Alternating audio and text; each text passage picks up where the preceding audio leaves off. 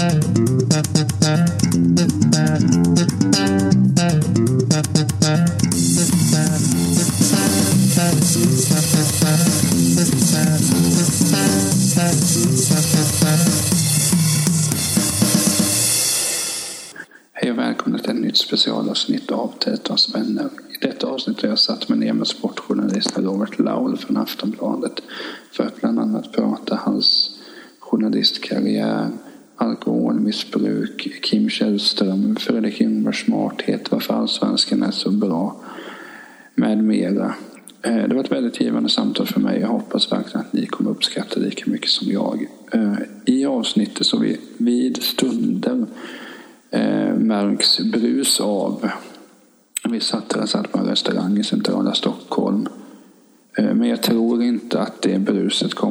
till så jättestort besvär för er. Utan avsnittet ska vara bra i alla fall. Det är i alla fall min förhoppning. I alla fall får ni hojta till så får jag försöka ordna det. Eh, men nu säger jag tack för det här. Och eh, eh, lämnar vägen för Robert Laul som kommer här. Nu kör vi. Vem är Robert Laul?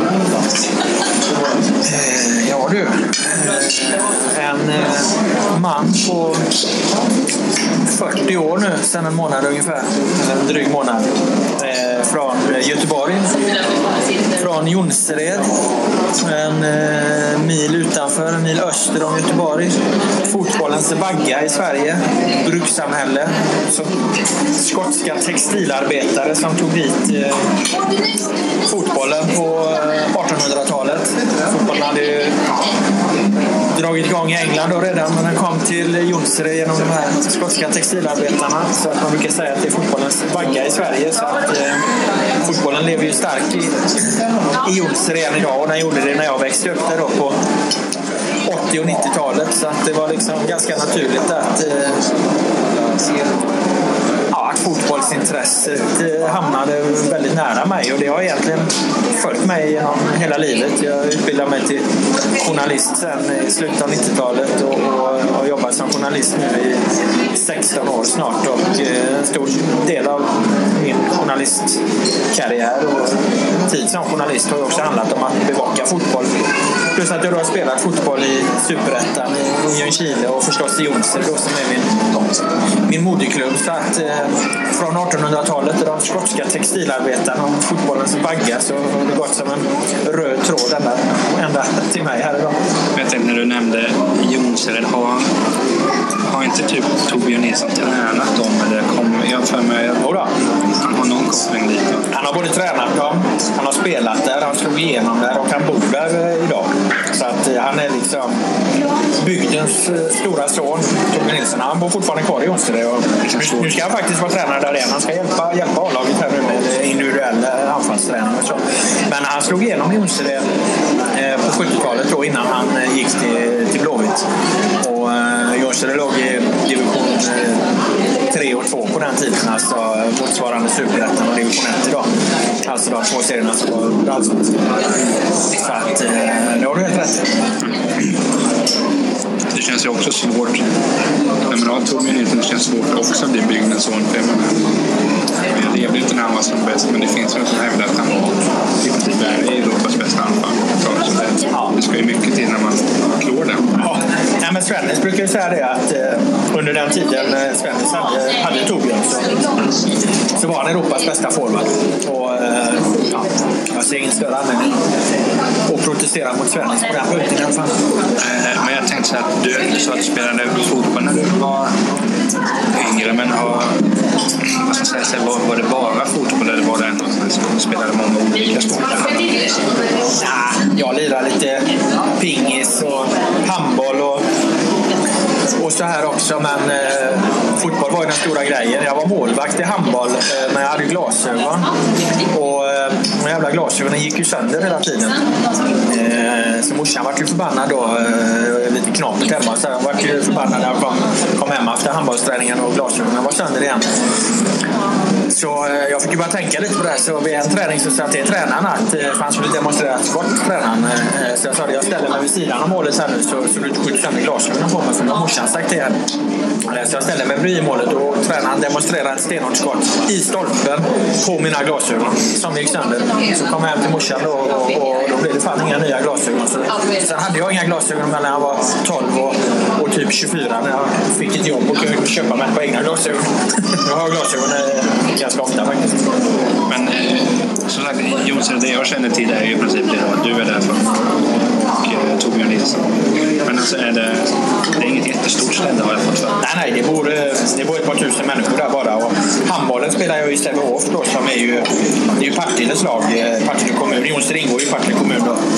Så att Partille är ju en stor handbollskommun då genom Sävehof som är, är ju framgångsrika på, på både herr och damsidan. Och en av kompisarna jag växte upp med, Henrik Signell som han heter, han är ju idag eh, framgångsrik tränare för, för Sävehofs eh, damlag där och kommer väl bli eh, förbundskapten en vacker dag, det är jag ganska övertygad om.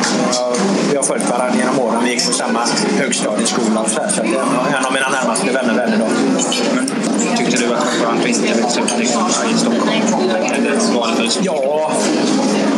Ja, eh, har ju tänkt på det när jag har blivit vuxen och så.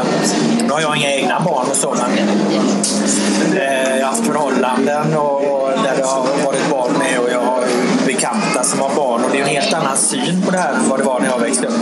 I Stockholm här så släpper ju föräldrarna kanske inte ut barnen eh, när de är 8, 9, 10 år. Liksom. Jag menar, I Jonsered Ja, där kom och gick vi som vi ville från fan vi var eh, sex år, liksom, fem år. Alltså, det var ju bara att kila ut på gården. Liksom, och, eh, det, det fanns aldrig någon, någon, någon sån tanke. Man var ute sent på kvällarna redan från, från tidig ålder. Och, så här, och det var ju alla. Liksom. Eh, så, så det är en sån grej jag har tänkt på. Att det var ju friare på det sättet. Det var ju väldigt nära till naturen och till sjöar och, vi drog iväg och badade själva från vi var väldigt små. Vi var uppe i skogen och sköt med pilbågar och, och allt sådär. Det var väl väldigt liksom eh, lantligt och idylliskt på just det sättet.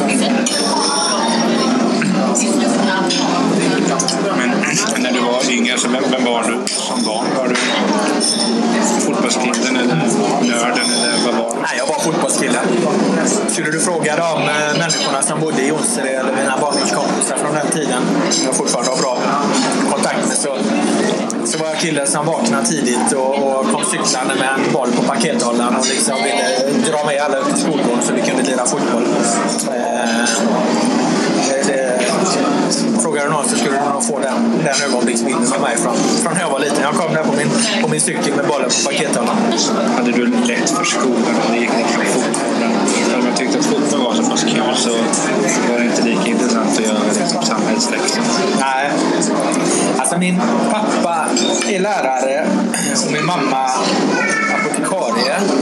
Och, eh, så att jag är delvis uppvuxen i ett akademiskt hem. Så att av den anledningen så hade jag ganska liksom lätt för skolan. Jag, jag kunde liksom lägga större delen av min energi på fotboll men ändå eh, klara mig bra i skolan. Jag, jag hade inga problem med det jag tyckte ämnena var roliga. Liksom. Jag tyckte till och med matte var ganska kul. Så att det, det där var liksom inga, det, det, det var inga bekymmer. Utan det, det där flöt på vid sidan av fotbollen. Men jag var ju, det var ju fotboll som var fokus för mig i första hand. Men jag hade redan, jag hade redan tidigt en ganska klar bild av vad jag egentligen skulle göra. För att fotboll var ju, var det ju första och det var jag bra på. Då tycker man det är roligt. Sen var jag bra på att skriva fria, så här, fria uppsatser i, i skolan. Jag hade bra lite fantasi.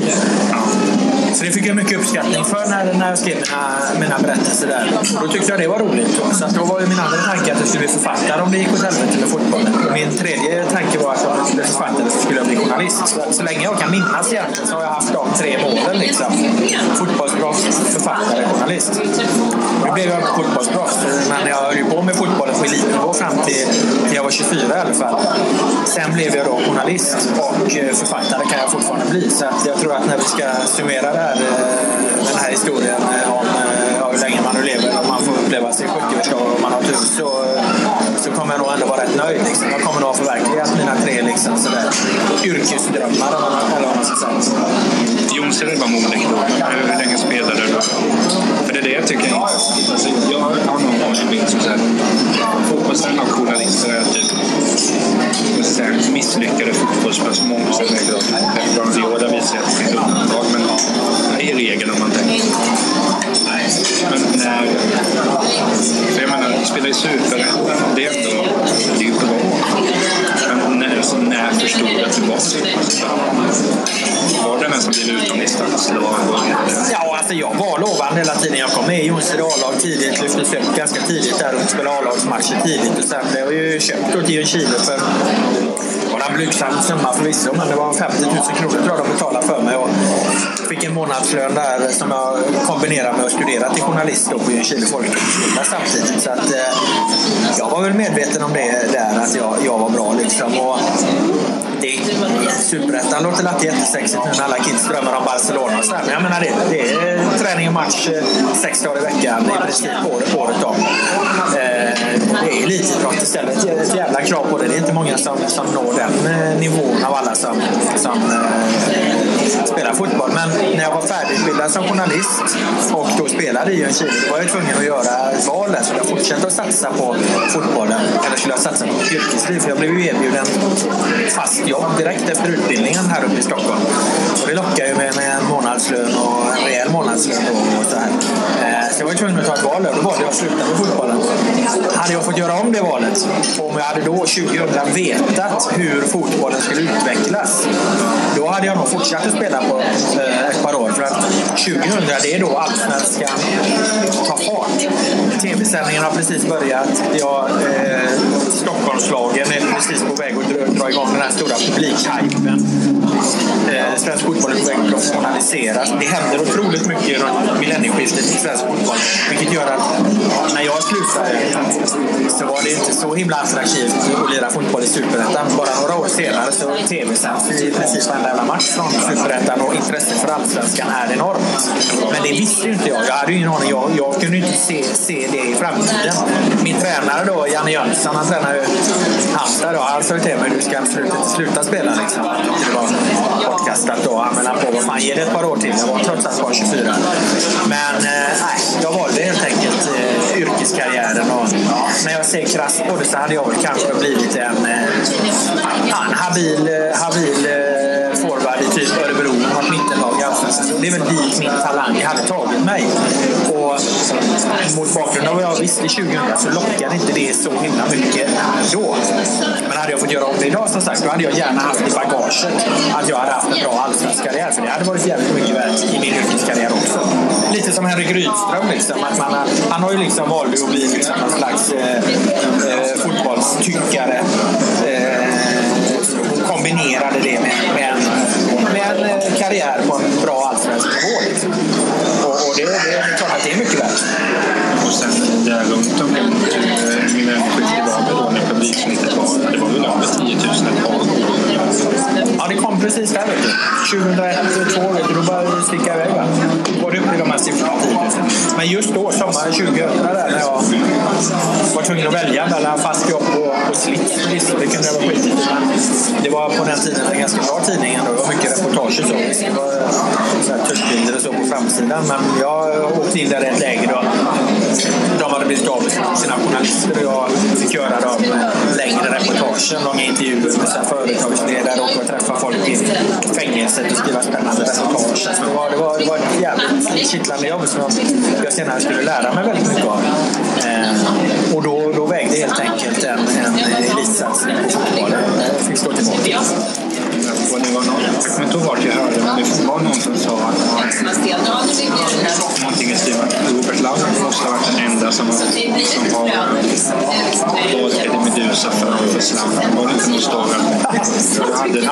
intressant. det var första reportaget jag gjorde på Slits. Jag hängde med i Medusa eh, ut på turné. Han är död nu. Eddie, men jag hängde med honom ut på turné där. Och samtidigt ville då tränare Janne Jönsson. Vi hade lite forwardsbrist i Chile. Och jag var ju fortfarande i Chile spelare så. Så han ville att jag skulle komma hem och spela match och då var det just mot Malmö. Eh, och Zlatan var ju inte jättekänd då heller, men det var en lördag eller om det var en söndag minns jag. Och den helgen, det var precis den helgen jag var på, på turné med, med Eddie. Hade jag fått göra om det valet så... Ah, det vet inte fan. Alltså, det var rätt stort att hänga med Eddie på turné. Jag menar, Zlatan var inte så jävla känd på den tiden heller. Så jag, jag tror nog fan jag hade valt Eddie framför Zlatan även om jag hade, hade fått göra om det. Det är det. Ja, visst. Alla som vid tiden lyssnat på Eddie Meduza så är det ju. Sen kan man ju tänka att kanske inte hade gjort idag, men det är riktigt klart. Men det känns som det måste varit bra fart på den. Min pappa berättade att han hade sett Eddie Meduza. Jag tror det var typ målbil eller någonting. Då hade Eddie varit så pass instabil så han hade ju ramlat ner från. Han spelade på bara en lastbil.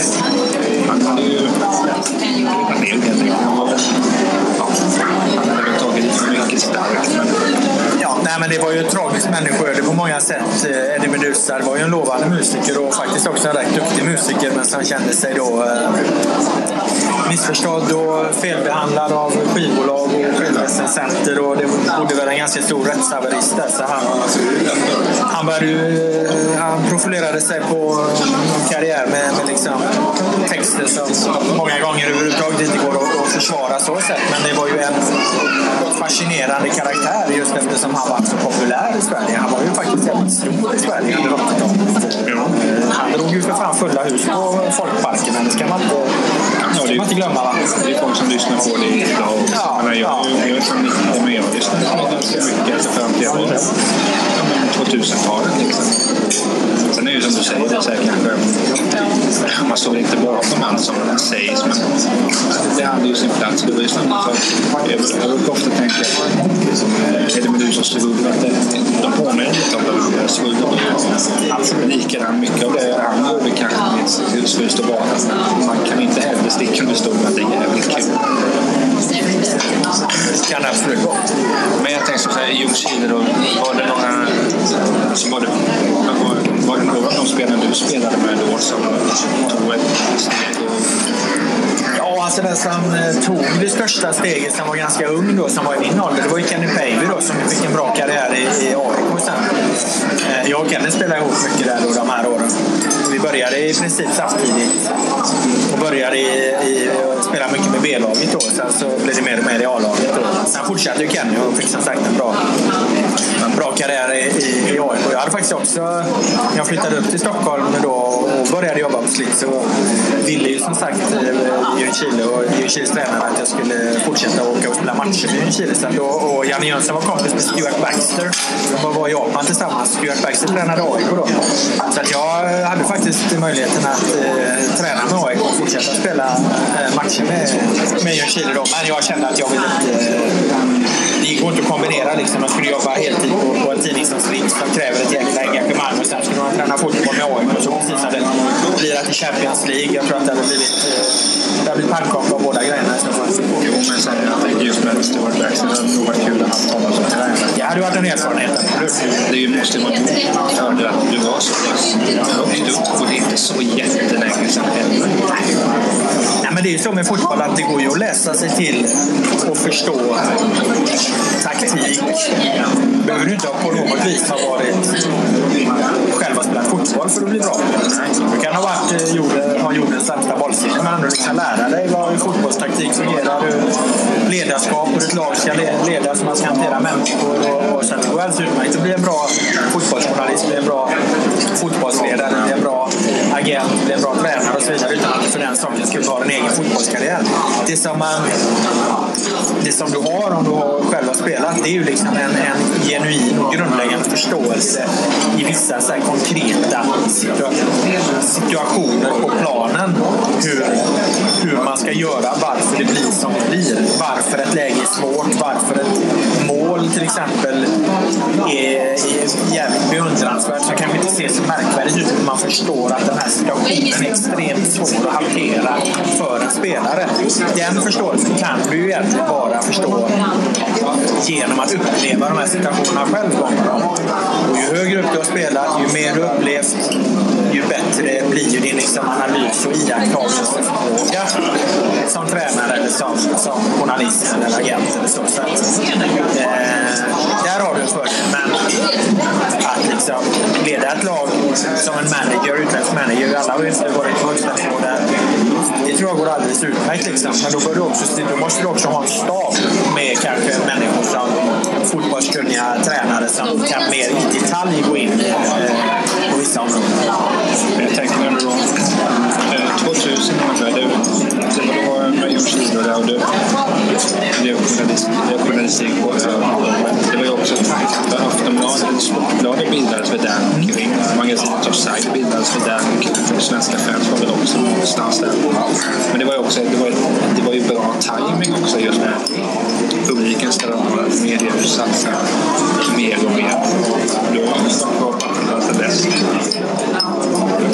Men det är med att man får vara glad för den tajmingen. Absolut.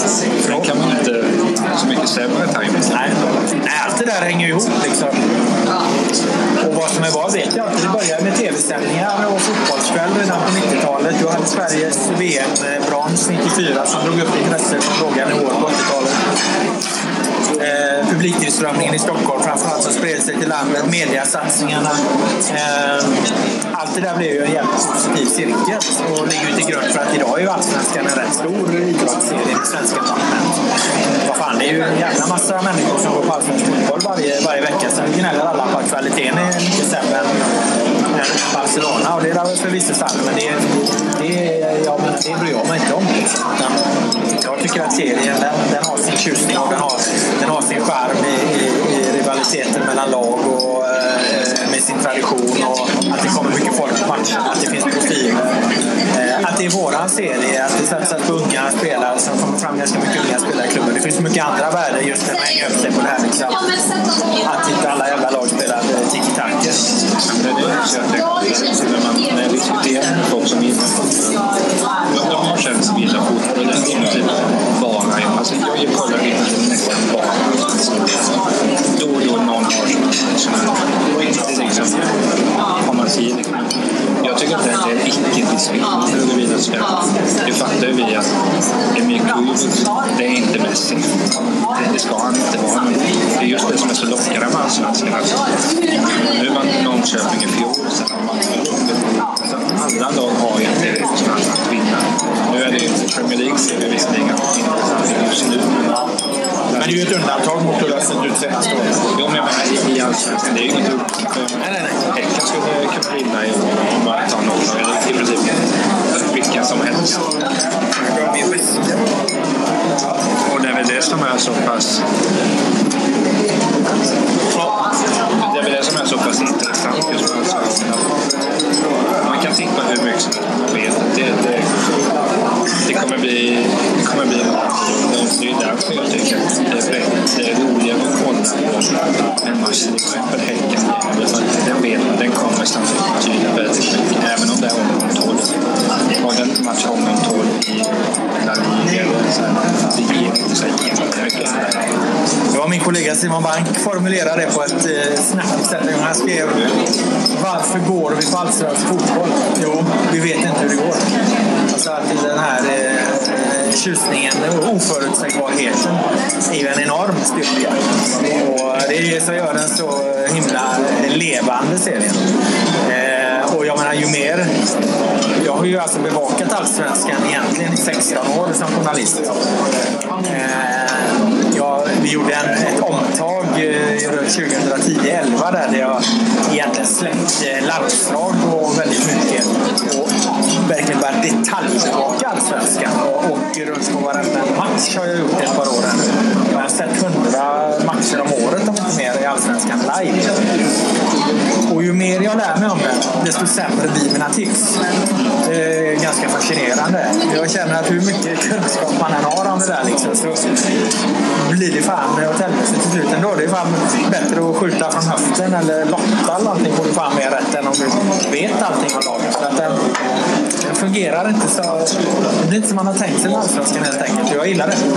Men det, det är ju som sagt, det är ju som, som att tänka om man ser en film till exempel. Det är mycket roligare om man absolut inte har en aning eh, om hur kommer det här Kommer personen överleva det och det? Om jag faktiskt ser en film och man är. Okej, han kommer inte hjälpa. Det är inte så jag tycker inte att det är jätte, jättekul att se, men det är mycket roligt när vi... wow.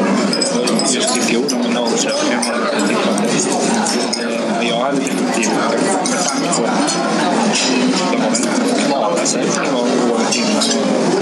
Ja, det är ju det som är så fascinerande. De var indragna i bottenstriden tills det var tre omgångar kvar 2014 IFK Norrköping. Vinner de allsvenskan med 67 jävla poäng. Liksom. Vilket är extremt mycket. Det är väl ja, det är för fan nästan rekord. Eh, och sen eh, har du Örebro som är typ trea ena året. Och så åker de ur något år senare. Gais var väl likadant? Ja, Gais slutar femma ett år. Sen är de sist året efter. Alltså det Ja, men det är ju... fascinerande. Jo, för Ska vara glada för det. Jo, Som det, förra allsvenskan. jo, men är det den ligan du hade... Säg att du har en ledig lördag. Är det, tycker du det är mer intressant att kolla allsvenska matchen kanske? Då någon Serie match? Ja, nej, nej, för helvete. Jag kollar allsvenskan i det läget. Herregud, det skulle aldrig falla mig in att välja någon utländsk serie framför. Jag följer inte utländska serier så jag kan väl kolla, kolla Premier League någon gång. Jag gillar Liverpool. Det har jag med mig från, från bollspel. Eh, kan jag, kolla på, jag kan kolla på... Eh, kan kolla på eh, Lazio. Klose lirar ju där. Fin, fin, fin, fin lirare. Eh, jag kan kolla på eh, Champions League som jag tycker är rätt roligt nu när det börjar dra sig mot så här eh, åttondelsfinal och kvartsfinal och sånt. Det där jävla gruppspelet i Champions League det borde de lägga ner. Men det är för mycket pengar inblandat. Men eh, De inte för... De är inte två gruppspel i Champions League. Då hette det Jo, ja, jag vet inte. Ja, det hade de bara provat sig fram där. Men eh, jag vet inte, det blir lite transportsträcka. Det är ändå samma lag som går vidare hela tiden. Och så kommer de här eh, kvartsfinalerna. Och de är väl förvisso rätt roliga, roliga att se. Det är väl klart att det finns en skärm i när liksom fotbollens absolut största elefanter drabbar samman. Men det som jag tycker med det är också skönt. Alltså, de är ju professionella, men alltså, jämfört med många andra så känns de inte så så jag intalar mig. Behöver du få tag i någon spelare för ett det är inte så här, det är jättesvårt. Nej. Du skulle säkert kunna ordna med en kampanj. Ja, de är bra med medierna, allsvenska lagen. Så de är tillgängliga och träningarna är öppna. Så det har gått lite i vågor det där. Det är vissa lag ibland får för sig. När Djurgården var bra där i, i av 2000-talet då fick de för sig att de skulle börja med stängda träningar och, och grejer. AIK har väl haft någon period eh, åt det hållet. Och så. Det har varit lite, lite sådana här konstiga idéer. Men de brukar ofta, det brukar ofta sluta med att de, de eh, struntar i det. För det blir mycket mer komplicerat. När man håller på att begränsa så i en serie som Allsvenskan så skapar man ett problem istället för att, att, att ta bort problem. För att då, då säger man också till spelarna att det här med media det är ett bekymmer. Liksom. Då blir det automatiskt jobbigt för dem istället för att, ha, att klubbar och tränare och spelare har liksom en, en naturlig access till media som en liksom, naturlig del av deras yrke. Men en del som intresserar sig för deras yrke. Då, då blir det inte lika, det är inte lika dramatiskt för spelarna. Och U21-landslaget fungerar ju på det sättet också. De, de har valt en helt annan strategi än A-landslaget och och jag upplever att de mår mycket bättre i det än A-landslaget som, som ska hålla på liksom och stänga igen och bomma till och göra besvärligt. Och, och, och som sagt, då skickar man en signal till spelarna att det här är ett jävla bekymmer liksom, måste, som vi måste hantera. Då, har har skapat ett problem som egentligen inte borde finnas. Någonstans hävdar jag just. Säg då att säger att jag skulle vara allsvensk fotbollsspelare. Det har man ju inte lugnt om, det kommer inte slå in. Nej, men jag menar, alltså, då säg då att du sitter och vi sitter och pratar. Varför gjorde du det klubbytet och så vidare? Och så vidare. Alltså, media skriver mycket om allsvenskan. Det gör att fler blir intresserade andra fler fler blir intresserade blir det fler som tittar. Jag menar, allting har vi ihop. Och sen är det klart att jag kan ibland tycka det här tänker jag, grejen kan tyckas oerhört jobbig just för att jag har ett sånt supporterskap till Blåvitt. Det är jobbigt det där som nu är han på gång så får man helt med Tobias Hysén det var Man kollade ju Twitter en gång i timmen. Alltså. Jag ser ganska snabbt kan jag säga när det kommer sådana här rykten vad kommer att slå in liksom och inte. Jag, jag får liksom en ganska tydlig känsla för det. Om man tar Tobias Hysén så kände jag på honom i fjol att det här året kommer han inte komma hem. Liksom. Och i här, det här året kände jag ganska tydligt att det här, nu kommer han komma hem om ett. Liksom. Det är inte så att jag skulle kunna hamra fast i någon tidning, så här kommer det att bli. Men, men jag blir inte lika påverkad av rykten med spelare eh, hit och dit. För jag, jag har en förmåga, och den eh, har jag ju i och med att jag har läst och jobbat med det så mycket, att jag kan ungefär se liksom, vartåt det pekar ganska tydligt redan från ryktet kommer ganska tidigt. Lär man sig det så behöver man inte sitta och fundera på de här alla jävla mellanspel som är hela tiden. Liksom. Det är bara ett tips. Ja, i och för sig just det här med Tobias, det är ju. Han, han har ju alltid sagt att det kommer liksom bli så egentligen hade man inte behövt titta. Nej. Nej, men, men annars är de, hur, hur får man reda på rykten så har man... Är det så att man vet någon som känner spelare det? Ja, det finns ju tusen vägar till det där. Jag menar, vi får ju tips från allmänheten och folk ser någon sitta med någon på något café i första förhandlingsläge. Eh, ringa runt liksom, eh, till klubbar och jag menar, de flesta journalister som bevakar klubbarna har ganska bra relation till klubbledarna. De vill inte ljuga då, så kanske de helt plötsligt får så här, det där vill jag inte kommentera. Du kan ana att det ligger något i. Liksom. Det är väl väldigt sällan du får allting serverat på ett fat från en och, och samma, ett och samma håll. Utan det är liksom ett evigt, ett, ett stort pussel eh, eh mellan branschens alla aktörer. Där aktörerna har lite olika intressen. Det kan ibland vara agenter som har ett intresse för ett budskap i media. Ibland är det klubbledarna som har ett intresse av det. Ibland är det spelarna själva. Ibland är det som sagt eh, vår spionen allmänheten som har sett eh, eh, Hasse Borg sitta och fika med någon, med, med någon eh, stjärna på någon, något dans, danskt hotell i Köpenhamn någonstans.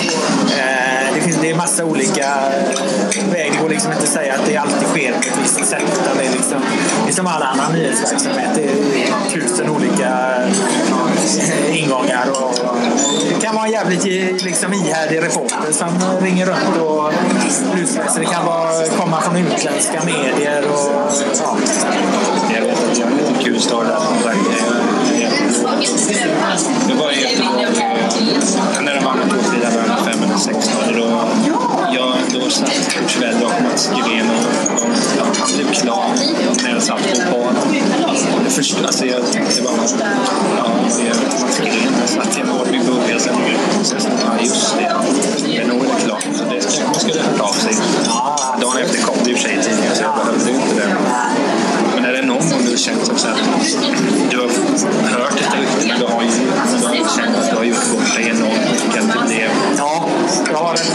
exempel från början av min karriär och det är väl mitt enda och stora eh, tyvärr. Men ett sånt ska man ju ha. Det var när det var dragkamp om Kim Källström. Eh, så var han, eh, rapporterades, han var i Häcken då.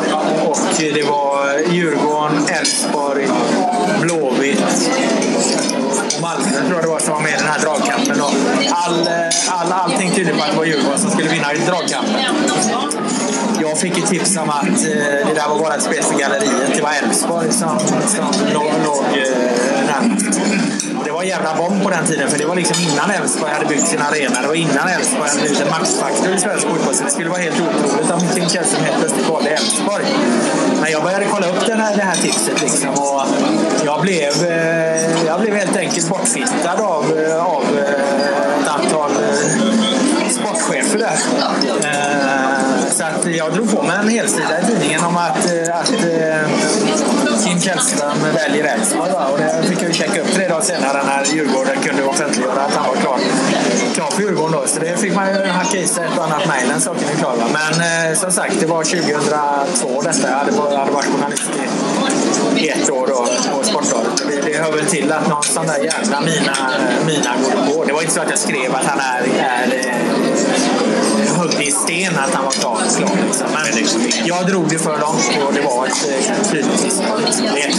Det spelar ju sådana där, alltså, när det blir fel på sätt så här, det, spelar ju egentligen ingen roll. Det är aldrig någon som har synpunkter på det egentligen. Så det, det, det är en skitsak så sett. Men jag menar, rätt ska ju vara rätt. Va? Så det är klart att det var ju ohyggligt pinsamt att ha fel på det. Det är det, det, är det många, många får för sig, liksom, att ja, men ni skriver, eh, ni kan skriva vad som helst liksom, om det stämmer eller inte. Men jag menar, det är ju en jävla elände att sitta där. Jag mådde ju skitdåligt liksom, över att jag hade gått bort mig. Jag tyckte det var ju fan fruktansvärt. Eh, ja, nu ska vi inte ta i med överord här, men det var klart att det var jävligt jobbigt. Jag vill ju inte ha det. Jag vill ju att det ska vara rätt.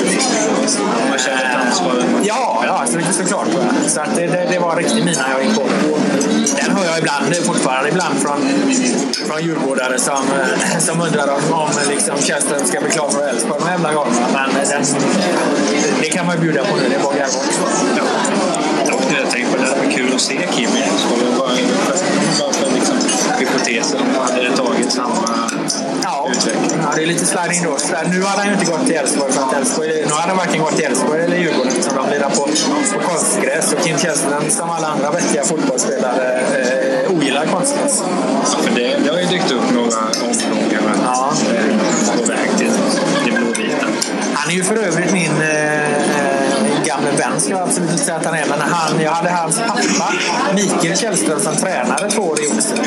Som nu är med stavarna i Kina? Ja, och eh, Micke Källström tränade Jonsered där 95-96. Eh, mitt andra och tredje år i på A-lagsnivå. Då. Eh, och då var ju Kim med ibland. Micke brukade stå och träna Kim innan våra träningar. Micke stod och slog hörnor och Kim stod och mötte på volley. Han var ju bara 13-14 år då grabben. Sen var han med ibland på någon övning när vi behövde kasta in honom. Så klart, han hade ju ingen chans då.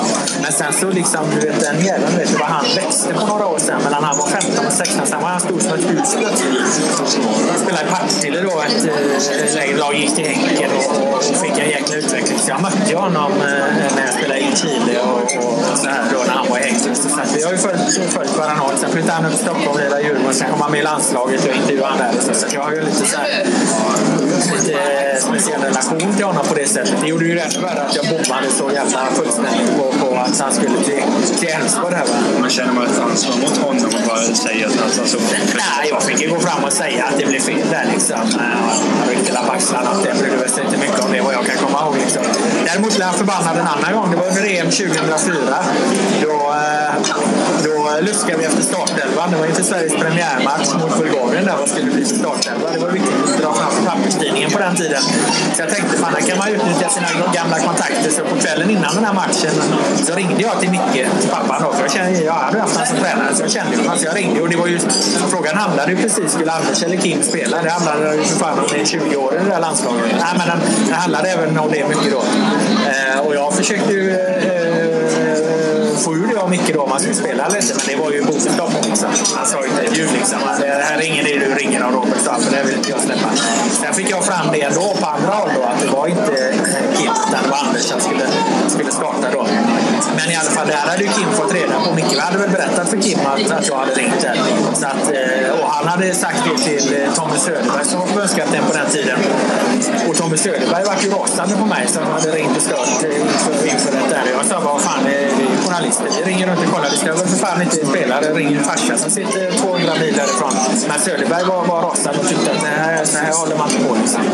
Men Söderberg använde ofta sådana grejer för att visa inför sina spelare att han stod upp för dem. Så att kunna damma till oss journalister i något sammanhang som kändes rätt onödigt egentligen.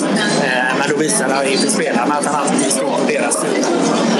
Klassiskt ledarskap. Du nämnde Kim Källström. Jag hävdar att jag följt Allsvenskan i princip slaviskt.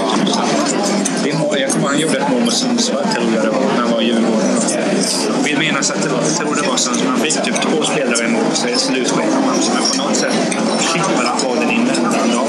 Tog ett par steg in i banan. Smäck upp den. Sjukt snyggt. Kim är ju ett jävligt bra exempel på hur jag tycker att man ska resonera som fotbollsspelare i Allsvenskan. Det är ju väldigt många unga spelare som har en bra säsong, får något erbjudande utifrån, sticker iväg och blir proffs och fastnar på någon bänk någonstans och får komma hem lite med svansen mellan benen.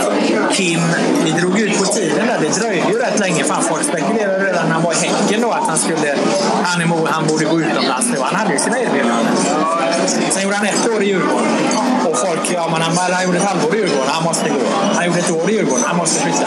Han gjorde ytterligare ett, ett halvår liksom. Och, och, och, och ett till. Och, jag menar, när han lämnar Allsvenskan då dominerar ju han allsvenskan. Och han är alltså 20... Vad kan han vara? När han lämnar allsvenskan? 20, 20, han är fortfarande ung. Han är 21, 22 eller vad han kan vara. Liksom. Men var ändå vet jag att det var snack om att det var sent. Och så. Men jag tycker att man ska titta på Kim som ung spelare. Han, han gick, när han dominerade i allsvenskan. Han behöver inte som han dominera hela jävla allsvenskan. Men han var, han var dominant i sitt lag. Och det är då du är mogen att ta nästa steg och gå vidare. För att när du dominerar ett sammanhang, då är du mogen att kliva in på ett bra sätt i nästa, nästa steg på den här utvecklingstrappan. Men, men det är inte många som gör det. Jag tycker också att det var smart att gå till en vän som inte är... Det finns sexigare lag i världen. Absolut.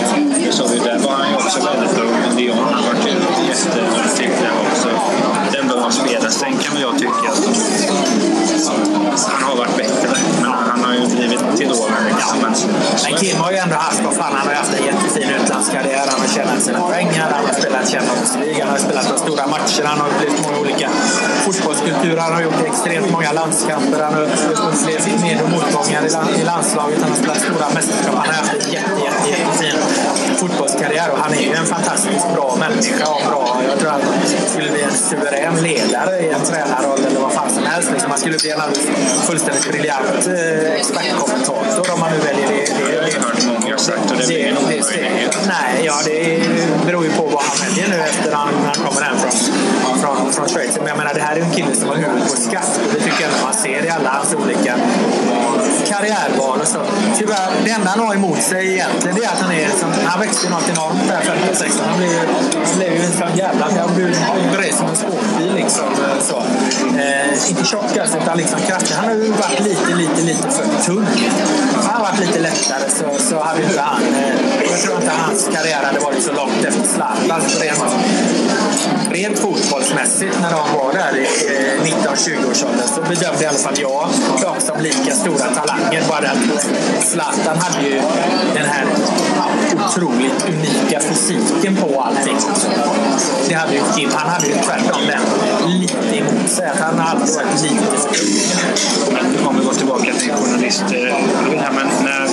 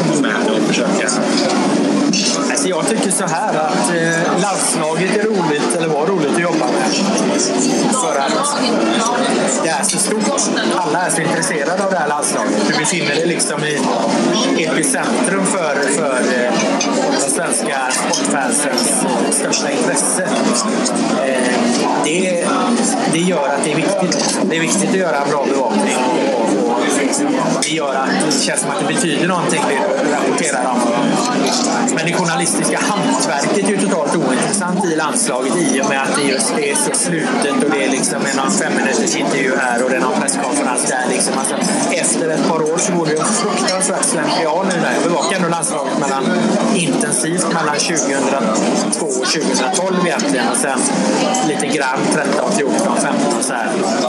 Särskilt mycket.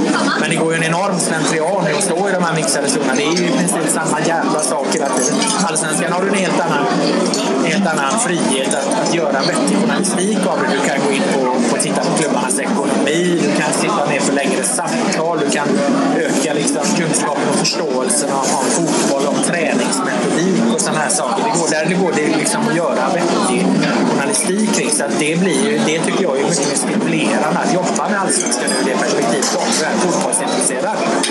Jag upplever också att kommer tv-programmen som du har varit med och skapat och gjort. Som vi la på när ni hade allsvenska gäster så spelade man vilket lag det är. Man möter det. Jag för mig, ta som ett exempel, jag minns att Peter Gerhardsson var. Det var ju liksom efter det samtalet jag förstod att den här tränaren, han är alltså,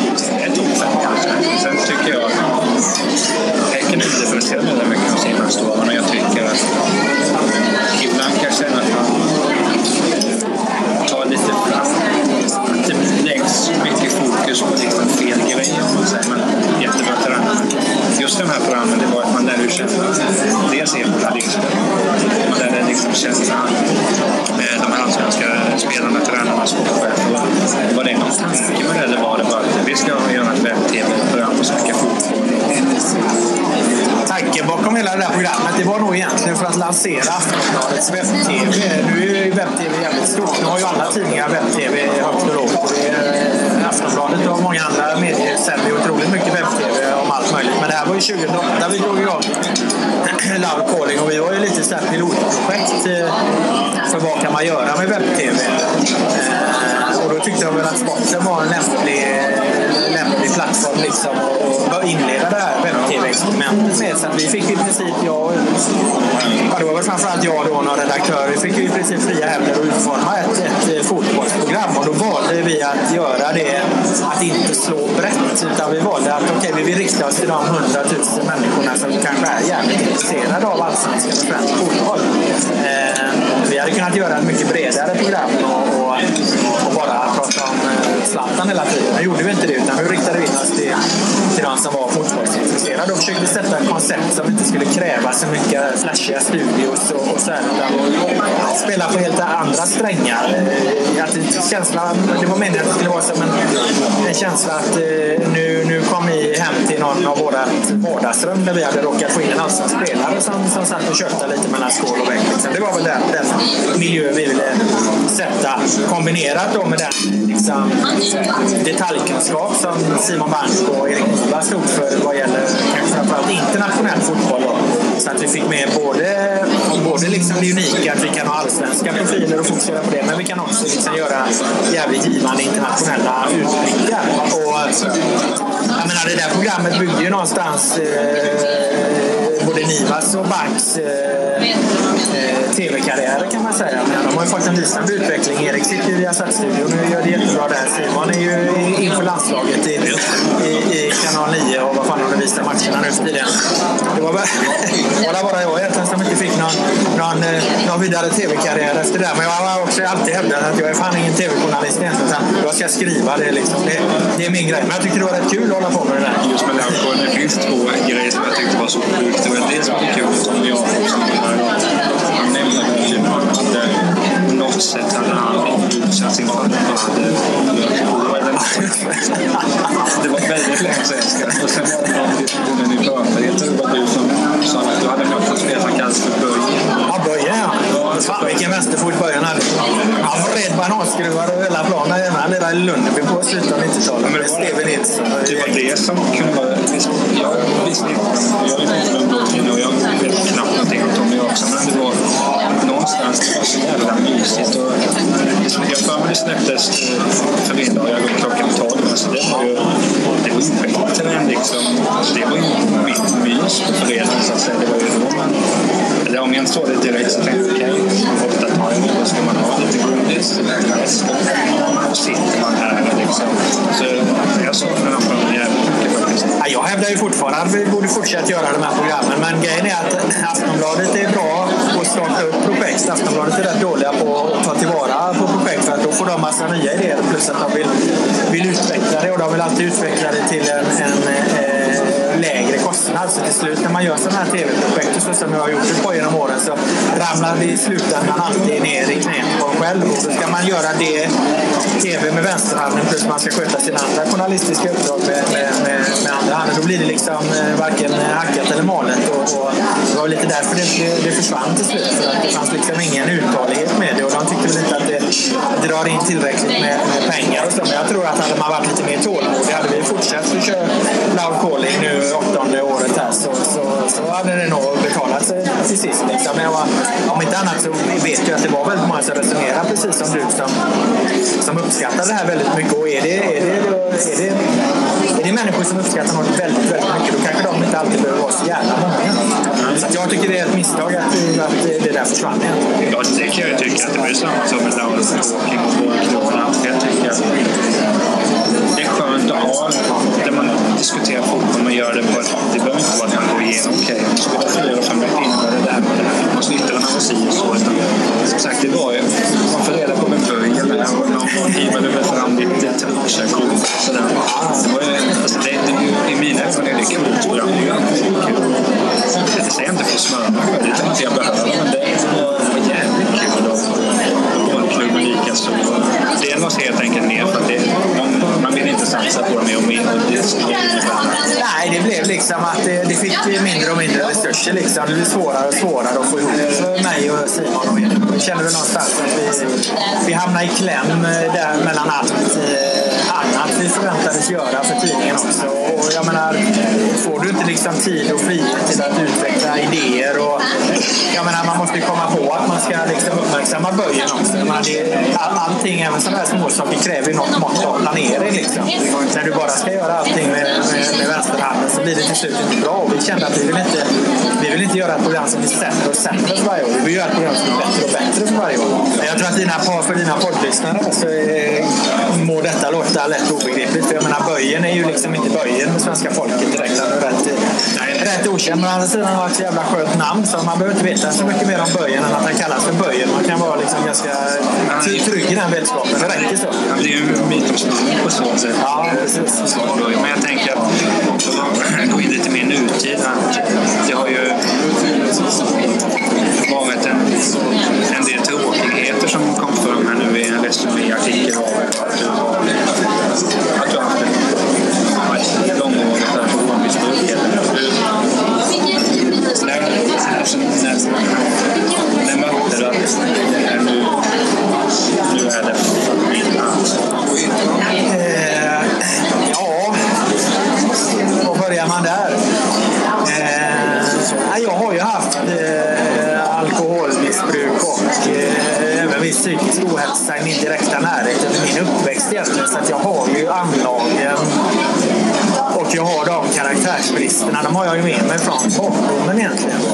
ju alltid haft ett ganska så här eh, komplicerat förhållande till alkohol. Det är något jag alltid har fått vara vaksam på helt enkelt. Att eh, tänka på att, eh, att, eh, att, att hålla, det där, hålla koll på det där.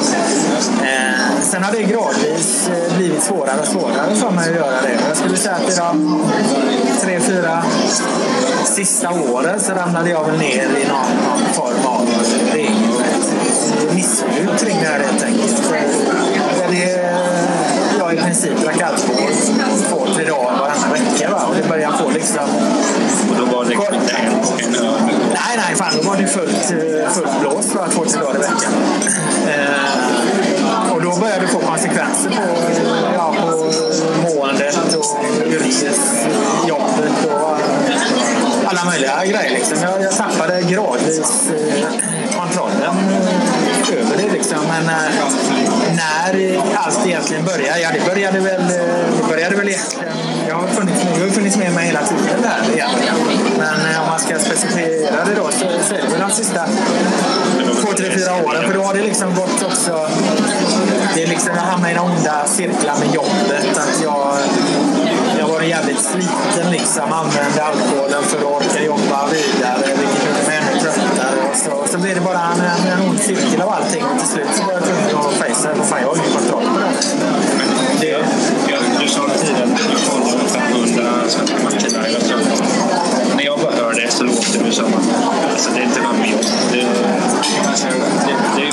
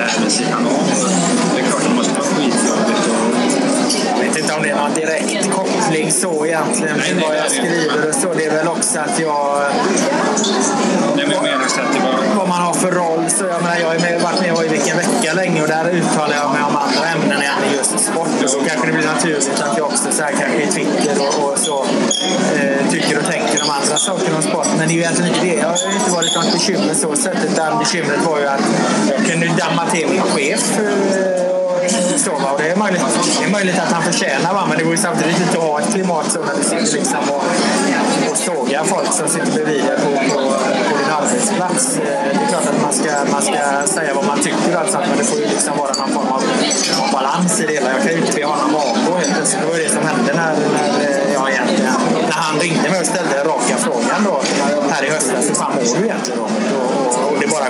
spontant att ja, jag har nog fan tappat kontrollen.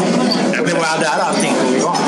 Alltså det jag menar var som sagt att, att det kom som en chock för jag tyckte att faktiskt nu är han alltså ofta är det så att det är väldigt svårt att se det.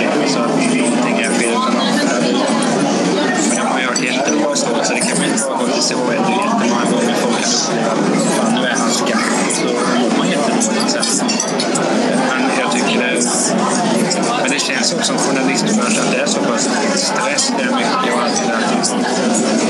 Ja, det är alltså egentligen allt eh, så som inte är bra för det. Det är, det är stressigt yrke, det är höga prestationskrav. Det är framförallt det är mycket resor. Du är borta mycket på hotell och det är fan, du vet det. är Slinka ner till hotellbaren och allt det här liksom. Det finns vissa yrken, säljare och, och vad det nu kan vara liksom. Eh, som är riskyrken eh, just i det där. Och sen, eh, det är historiskt, det är mycket alkohol inom journalistbranschen också i form av så här fester och det är mycket umgänge kring alkohol. Det är eh, liksom konferenser, är mycket alkoholen är liksom är överallt där. Va? Så tar du de anlagen och de karaktärsbristerna jag har så, så är det helt enkelt lätt att, att trilla dit där. Jag ska inte skylla på det. Jag hade väl kanske blivit, eh, alkoholist även om jag eh, inte hade jobbat som journalist. Det är absolut möjligt. Jag, jag säger inte att jag har på något sätt blivit det på mitt yrke utan det har andra orsaker. Men, eh, men eh, jag har ju också verkat i en miljö där det säkert liksom kanske har påskyndat processen. Hur mötte du det rent konkret? För det är inte alltid man förstår att det är någonting som... Nej, men man vet det. Eller jag visste väl det. Sen är liksom... Ja, alltså, egentligen har jag varit vaksam på det hela tiden. Jag har egentligen känt från, från jag var ung och, och drack för första gången att, att jag har svårt att kontrollera alkohol i den meningen att jag, eh, jag blir förpackad på fester och såna här grejer. Sen har det, då var det då inte så att jag hade några problem att hantera mitt liv.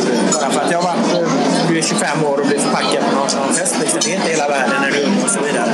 Men när det sen börjar bli två, tre gånger i veckan istället för kanske varannan vecka och, och eh, det upprepas gång på gång, då, blir, då, då, då förstår du ju till slut logiskt att fan, det, här, det här är inte bra. Liksom. Men det är också en resa från att förstå det logiskt till att det liksom rent känslomässigt ska landa, ramla ner i magen och du ska känna att jag måste verkligen göra något åt det här.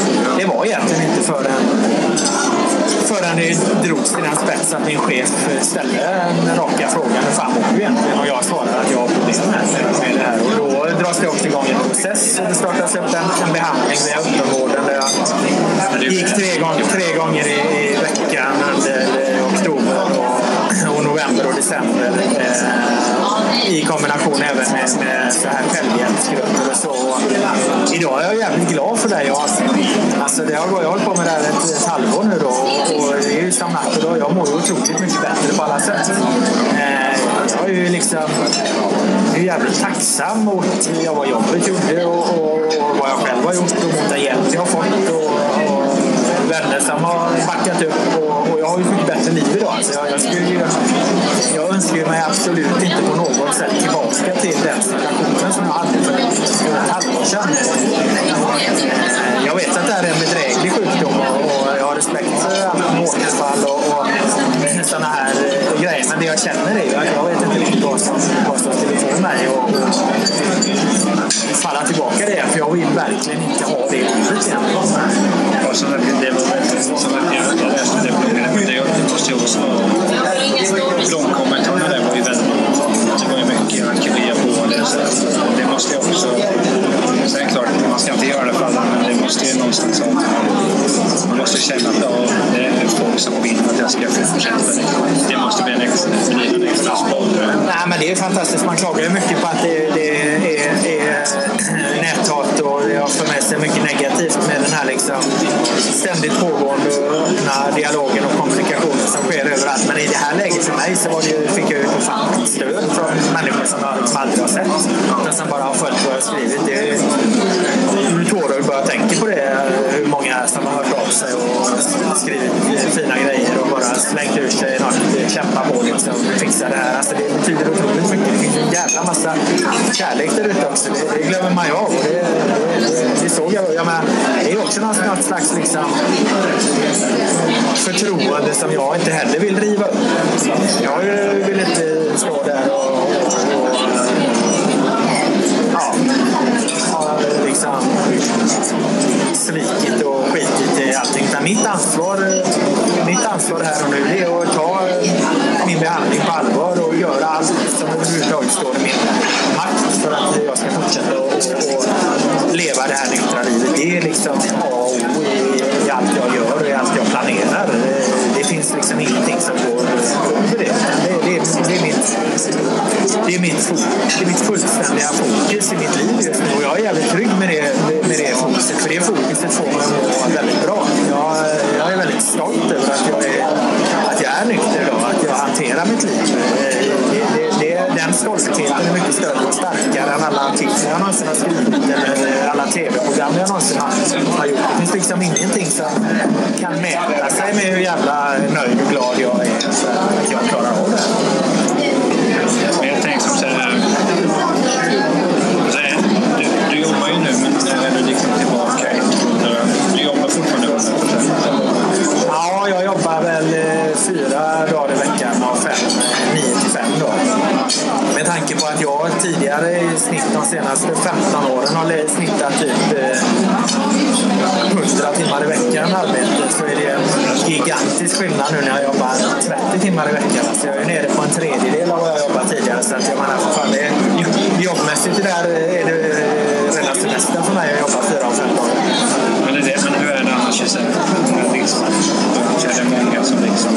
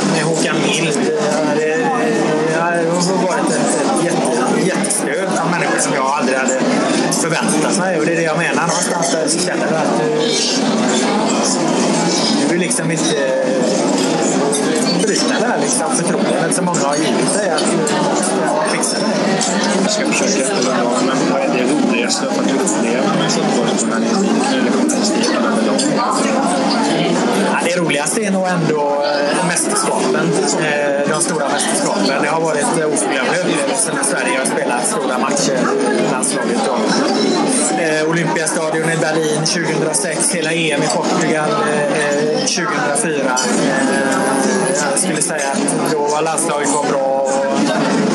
Eh, det var ett jävla drag runt. Det var mycket fans. Det var eh, fantastiska matcher och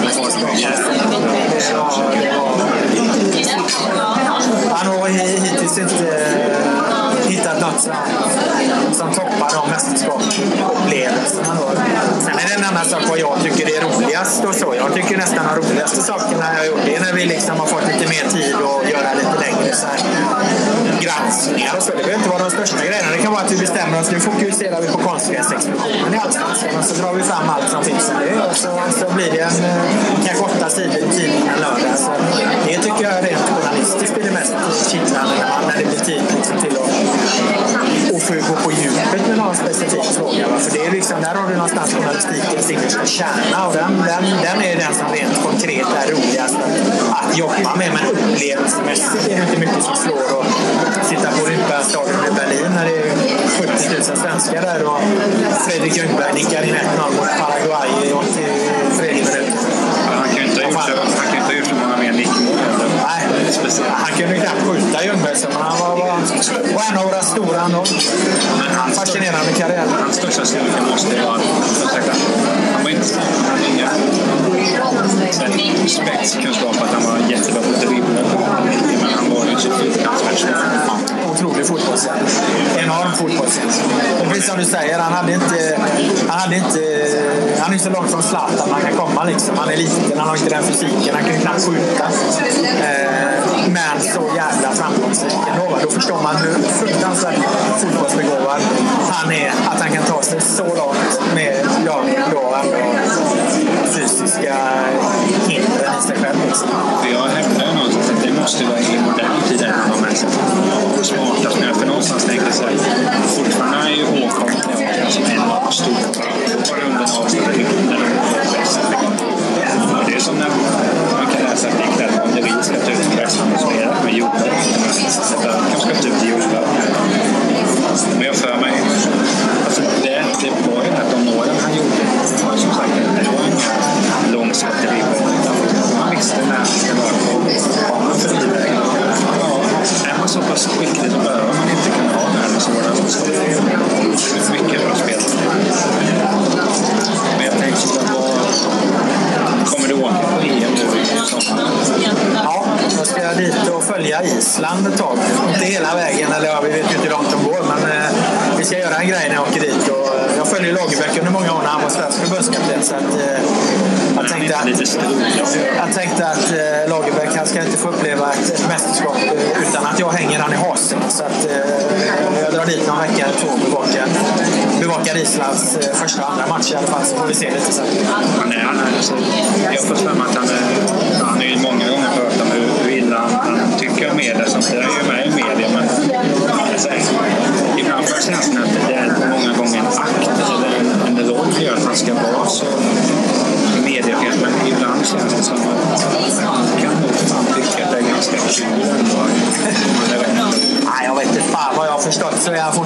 fortfarande liksom sur för hur han liksom beskrevs eh, av, av eh, tidningarna. Så problemet med han och många andra det är att han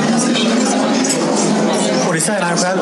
Han läste ju inte det som skrevs. Utan han fick ju till sig när det skrevs något dåligt om honom. Så att han får ju liksom ingen... Och det är lite synd. Han, får ju, han har inte fått någon bild av vad, hur det faktiskt rapporterades runt honom.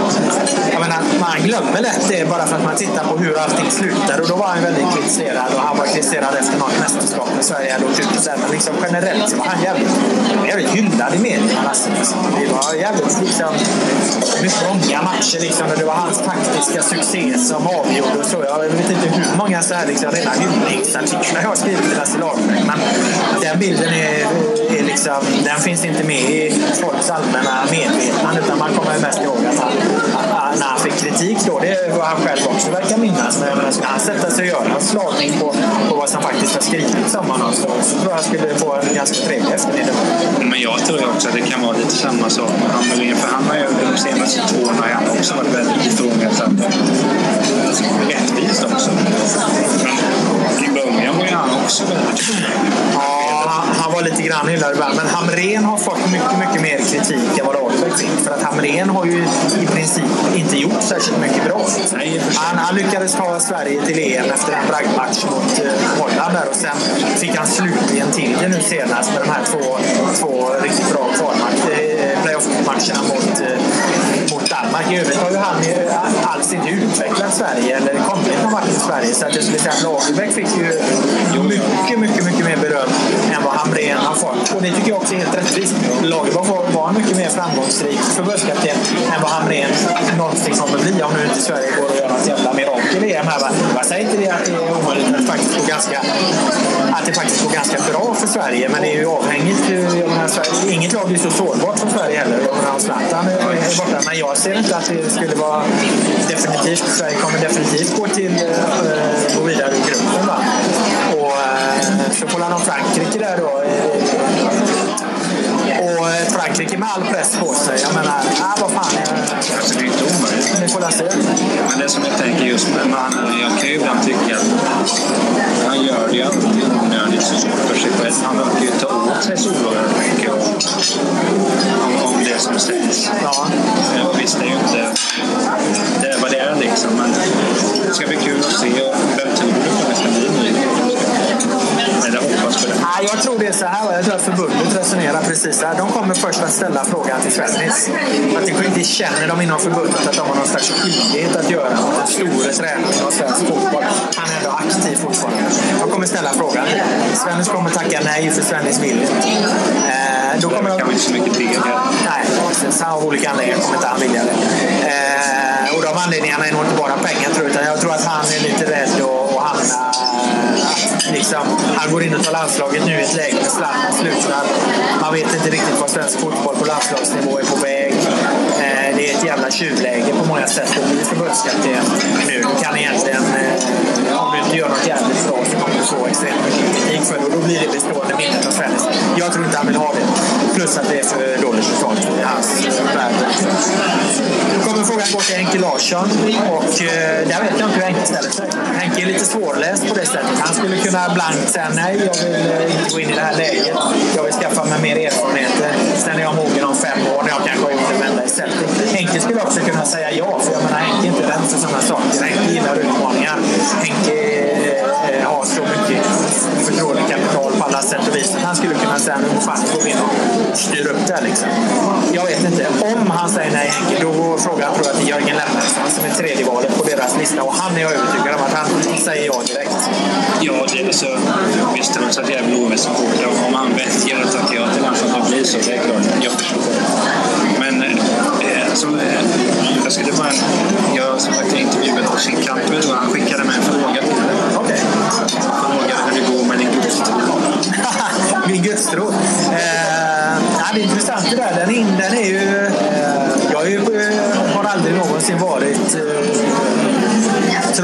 Något sätt eller religiöst lagd. Jag skulle väl närmast beskriva mig som en eh, ateist som inte har särskilt mycket till övers för, för någon religion av något slag. Men däremot i, eh, i min behandling i sådana här tolvstegsprogram så ingår ju Gud i, i, sätt och vis. Liksom. Inte Gud då i någon religiös bemärkelse utan som en, en högre makt där man liksom kan lägga beslut som man inte riktigt styr över själv. Och, och, och så här. Jag har funnit en viss eh, tillfredsställelse och, och trygghet i att faktiskt kunna ha en, en, eh, en eh, andlig kraft att resonera med och, och luta mig mot och ha som en liten krycka. Och jag menar, man kallar ju det för Gud i, i, i det sammanhanget. Och i, i så, så, så uttrycks det som Gud så som vi uppfattar honom.